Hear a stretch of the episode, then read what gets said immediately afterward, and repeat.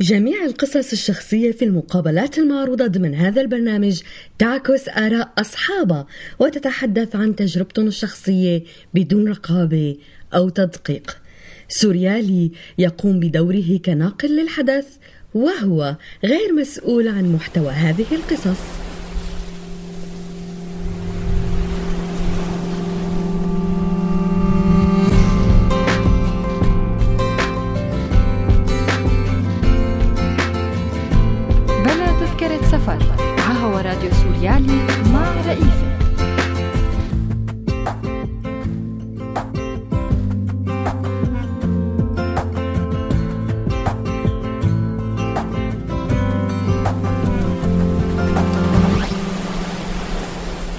بحلقة اليوم من بلا تذكرة سفر.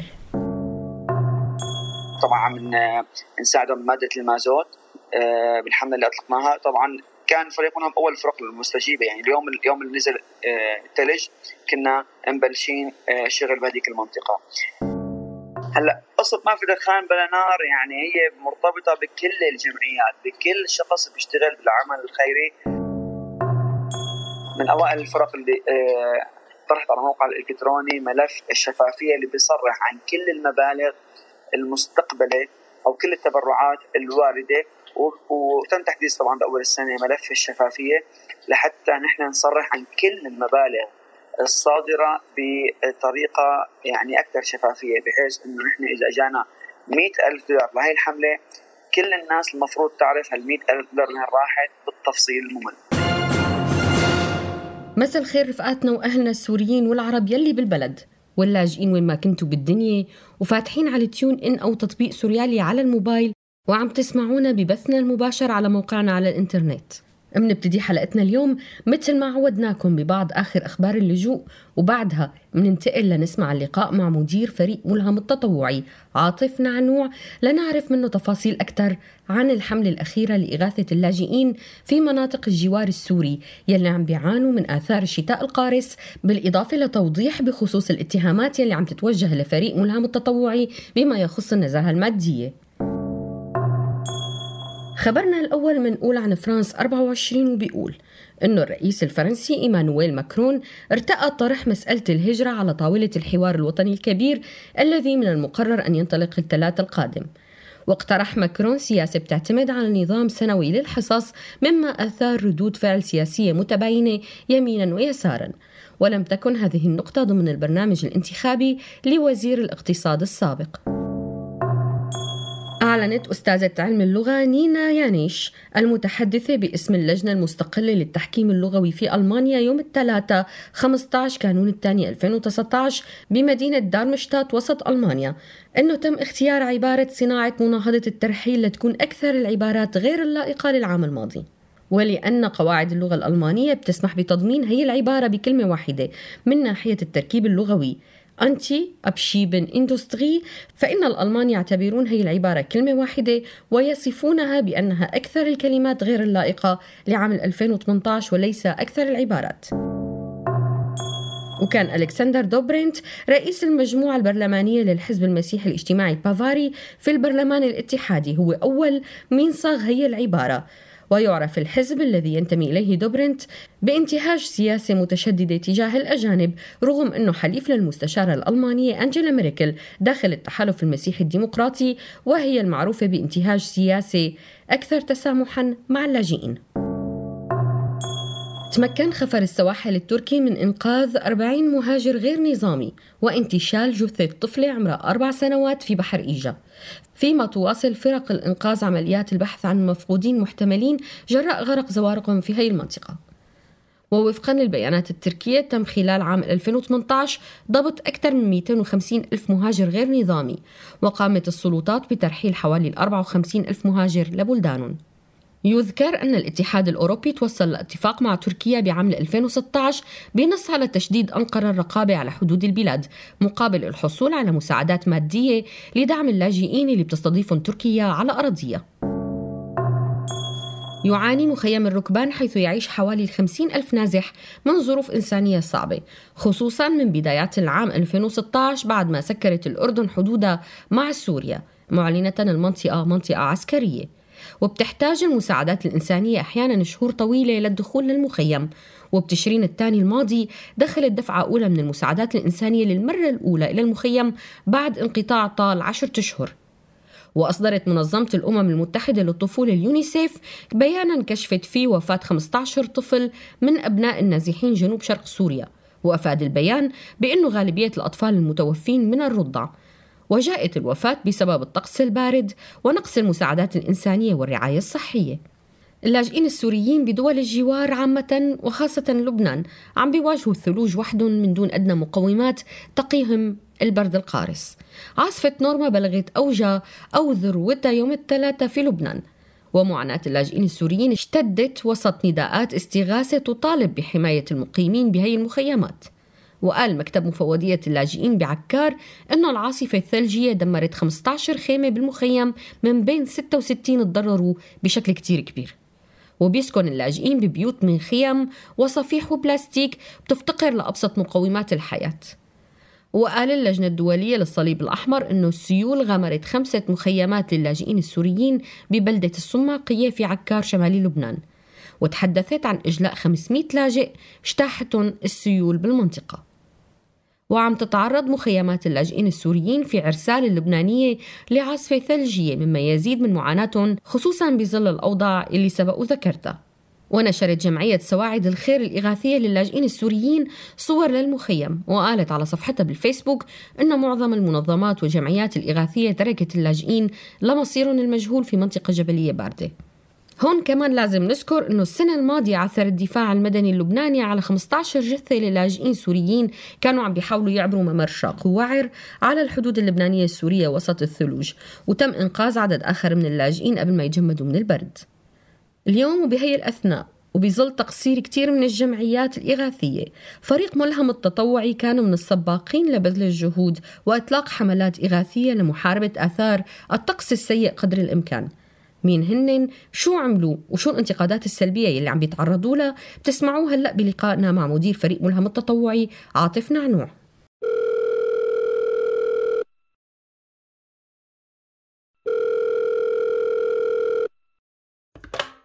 مساء الخير أستاذ عاطف. أهلا مساء النور. أستاذ عاطف قد إيه صار لك آه، بفريق آه، ملهم التطوعي؟ آه، من لحظة تأسيس أنا عضو مؤسس فريق ملهم التطوعي من 26 10 2012 ولحد الآن الحمد لله رب العالمين. طيب لحتى نذكر الناس اللي بلشت تنسى أو اللي ما عندها فكرة أو يلي سمعانة باسم فريق ملهم التطوعي بس ما عندهم فكرة عن البنية تبعه. خلينا نرجع بالتاريخ شوي. شو سبب تأسيس هالفريق؟ آه، فريق منهم متطوع تأسس من قبل مجموعة من الطلاب الجامعيين اللي اضطروا يتركوا سوريا. آه، كنا بالأردن تقريبا عشر شباب آه، عم نحاول إنه يعني نلبي احتياجات الأطفال خلينا نركز على الأطفال بأول مرحلة.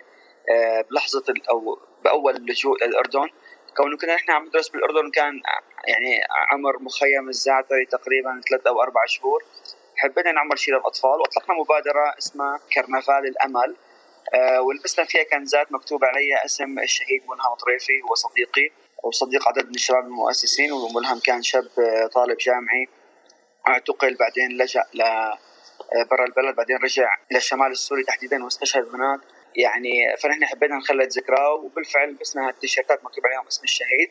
وبعدين يعني كبرت الفكرة وصرنا نساعد الناس بأول ستويه بتمر عليهم آه، بالأردن آه، اللاجئين وصرنا نساعدهم بالحرامات بالبطانيات بالصوبيات وتأسس الفريق يعني بهي الخطوة وبعدين صار تزيد الأقسام يوم بعد يوم لنساعد أكبر عدد ممكن من الناس بهذيك الفترة. قد إيه حجم العائلات أو الناس اللي عم تقدروا تساعدون أنتم بهي المرحلة اليوم؟ هلأ هلأ الفريق بلش مع الأطفال فقط من خلال كرنفالات، اليوم فريق منهم متطوعي بيضم خمس أقسام الأقسام هن آه، القسم الأول هو قسم الحملات آه، أو استجابة للمدن المنكوبة والمحاصرة واللي عم تنقصف أو للمخيمات اللي فيها أوضاع مأساوية بنطلق لها حملات وبالتالي بنساعد العائلات الموجودة. يعني راح أعطي مثال عن آخر حملة اللي هي بهاليومين. تماما. كنت بدي أسألك عنها أنا. حملة أرسال. هاي الحملة آه، فريق ملهم استهدف كل الخيام الموجودين بعرسال طبعا يمكن نحن أول منظمة اغاثيه من أربع سنين. آه، بتساعد مرة واحدة كل العائلات اللي موجودة هناك اللي يقدر عددهم ب 7200 عائله موزعين على 106 مخيمات. طبعا عم نساعدهم بماده المازوت آه، بالحملة اللي أطلقناها. طبعا كان فريق منهم أول الفرق المستجيبه يعني اليوم اليوم اللي نزل آه، الثلج كنا مبلشين آه، شغل بهذيك المنطقة. فبالتالي عدد العائلات المستفيدة هو مرتبط مرتبط بالحملة أو المدينة المنكوبة. فمن سنتين أو ثلاث سنين كان في حملة مضايا الكبرى اللي من خلالها قدرنا كمان نساعد كل المحاصرين بمضايا بمبالغ مادية واللي كان يقارب عددهم آه، أكثر من 10000 نسمة. أما بالنسبة للقسم الثاني راح أمر عليهم الأقسام سريعا. آه، القسم الثاني هو قسم الحالات الطبية والإنسانية ومن خلاله نحن بننشر الحالة اللي بحاجة مساعده آه، سواء عملية جراحية أو أجار بيت ومصروف ما إلى ذلك وتقريبا الفريق بامن من 70 ل 80 حالة شهريا في بعض الحالات يعني مبلغها بيكون يتجاوز ل 10000 دولار. القسم الثالث هو قسم الكفالات سواء كانت كفالات طبيه أو كفالات الايتام والفريق حاليا بيكفل تقريبا 800 طفل يتيم بالإضافة تقريبا 150 عائلة آه، بدون معيل أو مثلا بيكون الأب مصاب جريح أو مريض. القسم الرابع هو قسم القسم الرابع وقسم التعليم من خلاله بنساعد اما عن طريق مدارس أو مراكزنا التعليمية المنتشرة بسوريا ودول اللجوء أو الطلاب الجامعيين اللي بحاجة لقسط أو قسطين من الجامعة حتى يتخرجوا ويعينوا أهلهم. في القسم الأخير هو قسم آه، المشاريع الصغيرة اللي بنأمن مشروع صغير لعائلة بحاجة آه، لشغل معين لحتى تعيش من وراه هذا القسم حديث طبعا بس يعني كثير بيعمل فرق بالنسبة للعائلات المتضررة هلا أنتم كم مخيم بتغطوا؟ بتغطوا بس بالأردن ولبنان ولا بتقدروا تمتدوا أكثر؟ هلأ بالوقت الحالي بالوقت الحالي نحن يعني بهذا خلينا نحكي من بهي السنة مثلا على سبيل المثال حمله خيرك دفع اللي هي آه، بالشتوية فاحنا كنا عم نشتغل بمنطقة المفرق آه، أو يعني جنب مخيم الزعتري آه، واللي فيها لاجئين سوريين وبالإضافة لمخيم ثاني موجود بمأدبة هو ب تقريبا بجنوب عمان بالأردن. أما بالنسبة لسوريا فاحنا بنشتغل بكل المنطقة المناطق المحررة بسوريا دير بلوط مخيم دير بلوط النازحين الفلسطينيين والسوريين الذين نزحوا من جنوب دمشق بالإضافة لمخيمات بريف الاديه ومخيمات بريف ادلب وحتى آه، بريف آه، حلب يعني الشمالي في عزاز والمناطق المحيطة. آه، بتركيا كمان عندنا شغل بس أغلب الشغل بتركيا قبل المخيمات مقدر نشتغل حالات طبية وأيتام. وبالإضافة للبنان مثل ما حكينا عن حملة أرسال والحملة كمان بالوقت الحالي شغالين بمنطقتين غير أرسال بلبنان اللي هن اللبقاء اللي فيها طاف الخيام طافه المخيمات عم نحاول نحن نساعد الناس بمراكز أو بالمأوى اللي سواء هي المدارس أو مراكز الإيواء اللي عم يوصل عليهم بالإضافة لطرابلس اللي في عندنا مشروع لمخيم كمان طاف وكثير تضرروا سكانه فبالتالي في مشروع لهذه المخيم منطقة عكار تحديدا جنب طرابلس. كيف عم بتأمنوا وصول لكل هالمناطق؟ يعني بالوقت اللي في الدول الكبرى ما عم تقدر توصل. والله هلا إحنا بالنسبة لفريق ملهم بيعتمد على همة الشباب، إحنا لما نشوف ما في مخيم أو ما في منطقة منكوبة إلا في ناس حابة تساعد. في شباب عندهم طاقة كثير كبيرة. إحنا اعتمدنا على الشباب. مثل ما إحنا كنا بالأردن كررنا تجربتنا بكل المناطق اللي أنا حكيت عنها. يعني كل اعتمادنا على الشباب اللي ما بتجاوزوا أعمارهم 30 سنة اللي هن عندهم همة الشغل اللي هن بدهم يساعدوا. شايفين الناس كيف عم تفوت قدام عيونهم وهن أغلبهم طلاب جامعات. فهن يعني مبدئيا كان ما عم ما عم يبحثوا عن فرصة عمل انه هن ملتزمين بدوام الجامعة. فبالتالي بوقت فراغهم عم يشتغلوا. اللي بيتخرج منهم وبيكون مآمن آه، بفكرة الفريق فبصير آه، بيتفرغ للفريق مقابل بدل تطوعي هذا البدل بيكون يعني يعني خلينا نقول إنه بدل كريم يعني ممكن رمزي. رمزي نعم بس بيعيش من وراه. فبالتالي لما نحن نحكي عن أشخاص عندهم انتماء لفريق عم بيشتغل ويساعد من قلبه عم بيحاول إنه آه، ما في فرق بين أي مدير مشروع أو مدير قسم أو حتى أصغر متطوع. اعتماد كثير كبير على الشباب المتطوع والصبايا المتطوعين من أوروبا وأمريكا والخليج وكل حدا حابب يقدم شيء وما قادر. كان فريق المتطوع هو فرصة لهم لحتى يقدموا شيء. فبالتالي آه، منزور هاي المناطق الكارثة بيكون هذا الفريق الموجود أو الأشخاص الموجودين والمدربين على الاستجابة عم يستجيبوا بأسرع وقت ممكن. آه، طبعا طبعا فريق منهم تطوعي في شغلة معتمد اعتماد كلي على التبرعات الفردية. ما في جهات ممولة. ابدا. مم. كل التبرعات اللي بيحصل عليها فريقهم التطوعي هي بدون شروط حتى. يعني الناس الحمد لله بتوثق فينا كثير آه شايفتنا عم عم نوثق. آه طبعا من أوائل الفرق اللي آه طرحت على الموقع الإلكتروني ملف الشفافية اللي بيصرح عن كل المبالغ المستقبلة أو كل التبرعات الواردة. وتم تحديث طبعا بأول السنة ملف الشفافية لحتى نحن نصرح عن كل المبالغ الصادرة بطريقة يعني أكثر شفافية بحيث إنه نحن إذا اجانا مئة ألف دولار لهي الحملة كل الناس المفروض تعرف هال ألف دولار وين راحت بالتفصيل الممل. طال السفر طولتم الغيبة. صار السهر سلوى كحل عيون. واللي انتظر بالليل ما عيبة. طول السهر نصبر بعد وتهون. والقلب من وسع الصحاريبة. ينبض على وقع المطر مفتوح ونغاب شوقه ما يبتليبه. يعشق سوادا بالدرر مسكون طال السفر طولتم الغيبة. صار السهر سلوى كحل عيون واللي انتظر بالليل ما عيبة. طول السهر نصبر بعد وتهون. والقلب من وسع الصحاريبة. ينبض على وقع المطر مفتوح. ونغاب شوقه ما يبتليبا يعشق سوادا بالدرر مسكون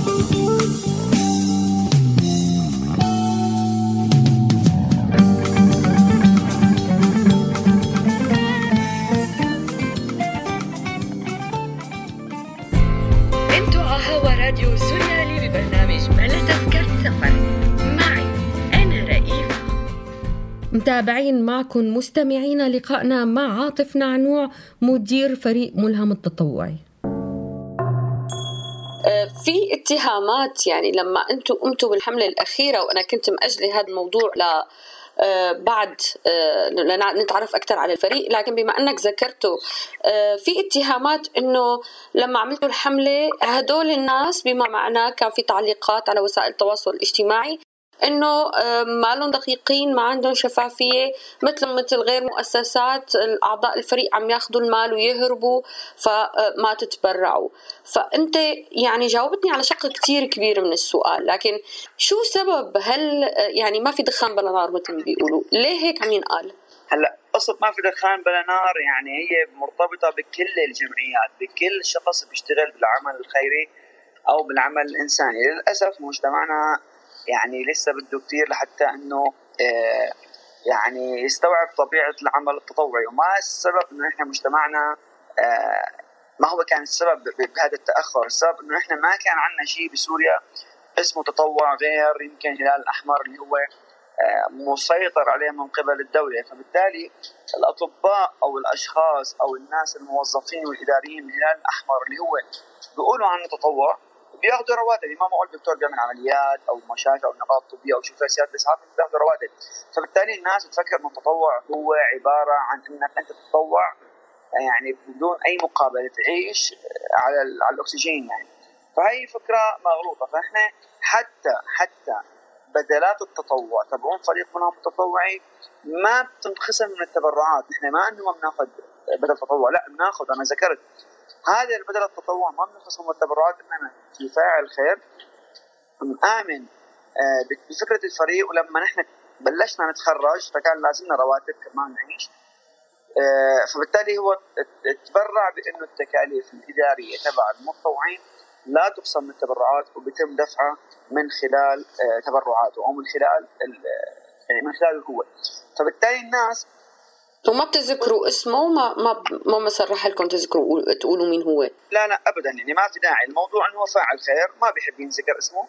وهذا الشخص نحن لما عم تجينا للحالة في شغلة كثير مهمة.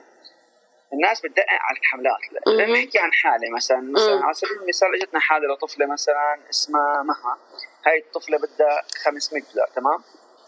رحنا زرناها صورناها ونزلناها الحاله على الموقع. اهلنا أهلنا معها مثلا شافوا إنه إحنا جمعنا لها 500 دولار تمام؟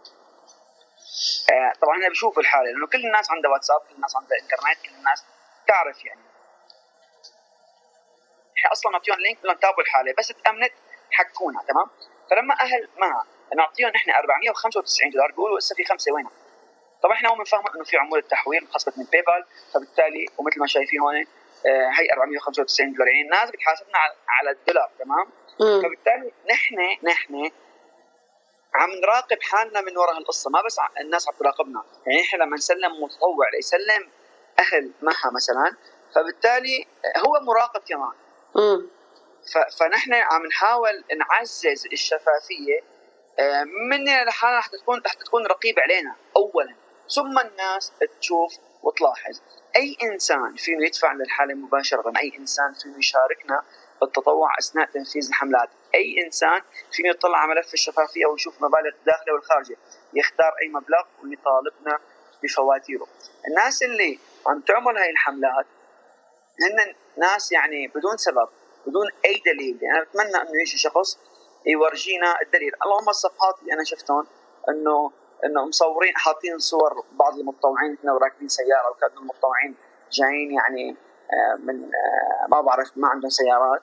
آه، كأنه بالعكس معنا متطوعين انه تطوعوا بسبب إنه مرتاحين ماديا. آه، في عندنا متطوعين تطوعوا لأنه هن بالفعل فقراء وحاسين بغيرهم فبالتالي إنه عم يدرسوا بدهم يساعدوا. التطوع بيشمل رجال أعمال إحنا عندنا. في عندنا مترجمين مترجمين للغة الإنجليزية بالفريق. هن أطباء بمشافي بالإمارات وبأمريكا وغيره. فبالتالي التطوع ما بيعني إنه أنت إنسان فقير. إذا أنا كنت فقير وصرت غني وانتبهوا الناس علي فممكن نحن نسأل هذا الشخص من لك هذا. بس الناس اللي عم تحكي ما حكى بدليل بالعكس انحكى إنه في آه، شخصية مشهورة مثل والدة كنز اللي غزل بغدادي عملت فند ريزنج لفريق منهم تطوعي على الفيسبوك.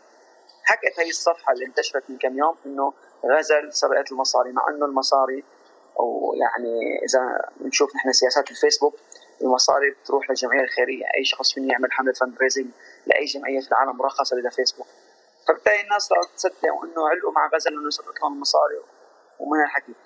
فأي إنسان عنده دليل نحن جاهزين له طبعا الأشخاص غالبا بيكونوا شخصيات وهمية اسمهم غير حقيقي على الفيسبوك وإلا كنا نحن فورا توجهنا للمحكمه إحنا لو ما واثقين من حالنا ما تجرأنا على ذكر المبالغ اللي إحنا جامعينها تمام.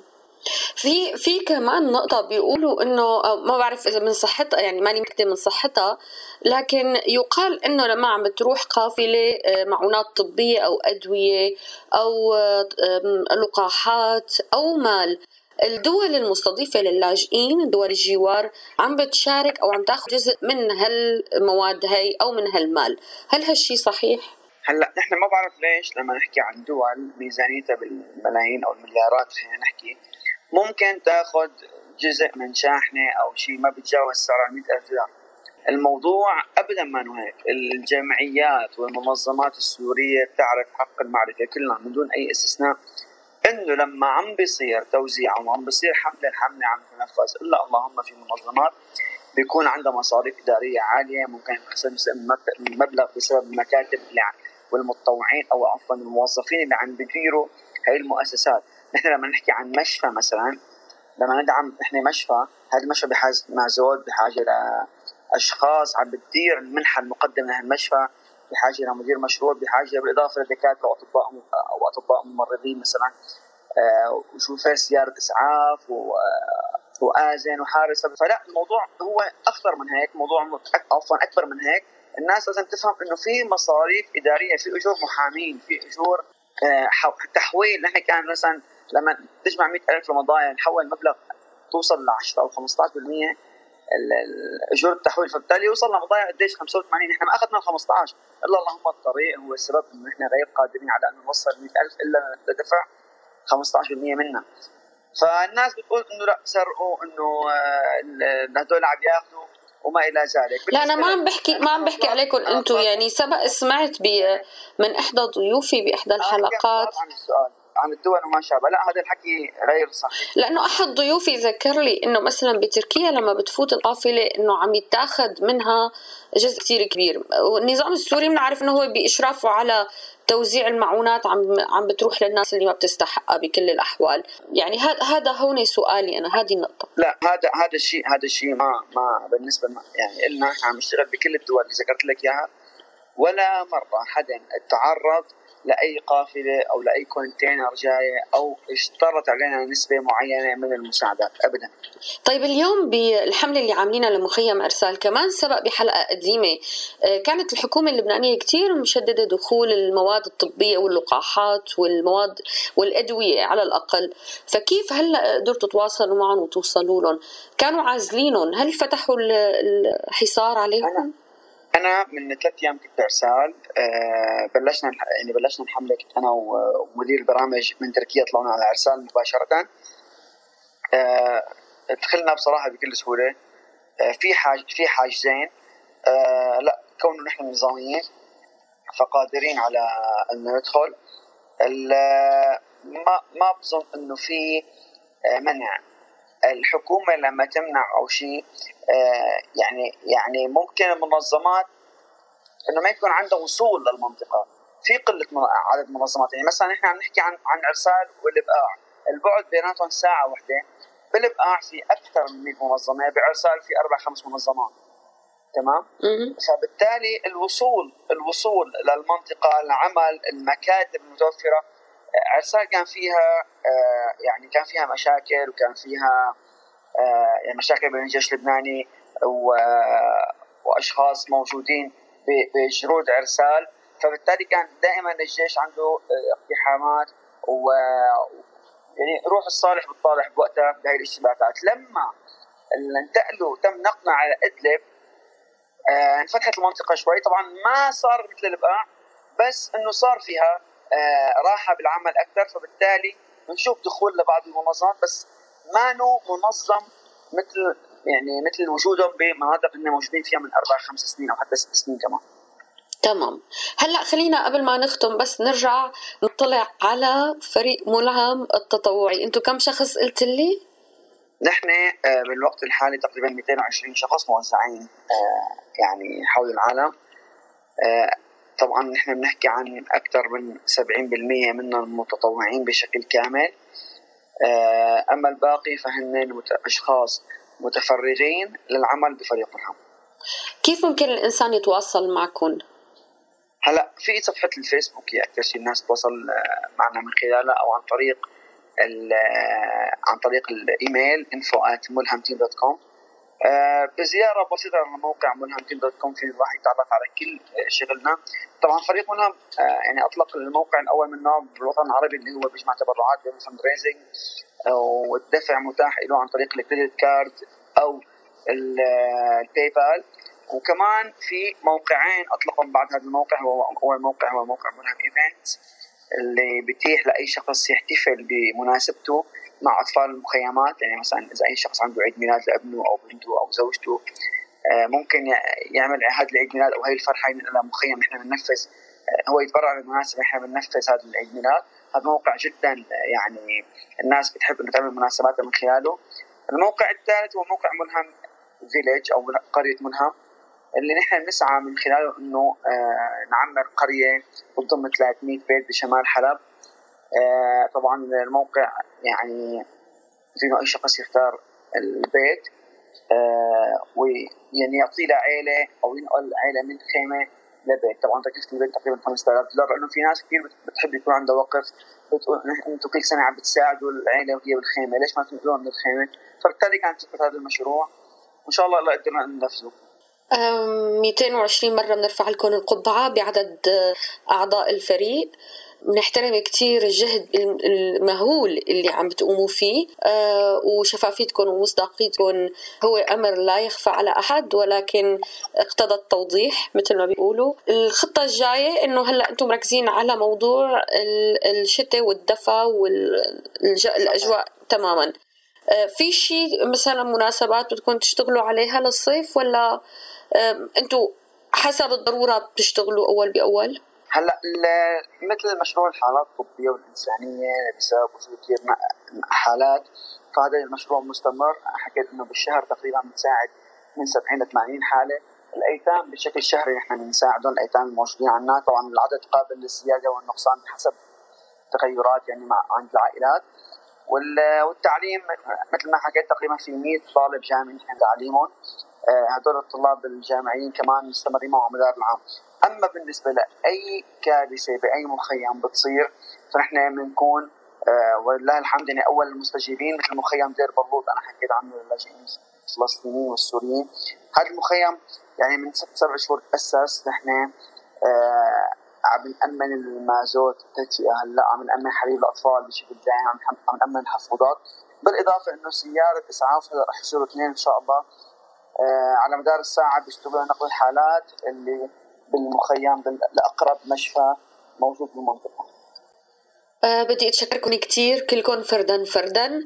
أه فريق سوريالي كلياته كمان بيتشكركم بيبعت تحية لفريق ملهم التطوعي ونحن معكم إيد بإيد والله يقويكم ونتمنى لكم دائما آه، تكون لكم الإيد الفضلى والعليا بالخير.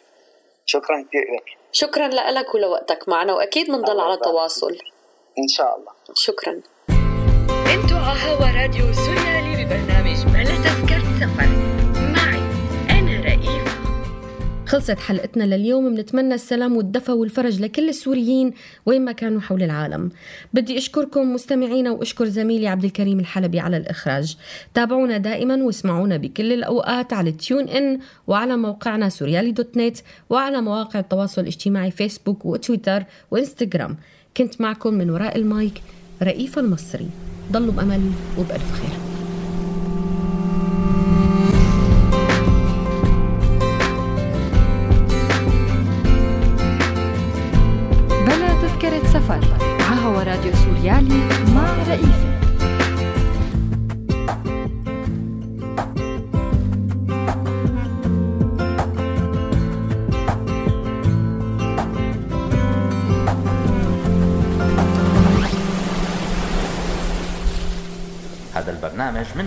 هذا البرنامج من إنتاج سوريالي 2018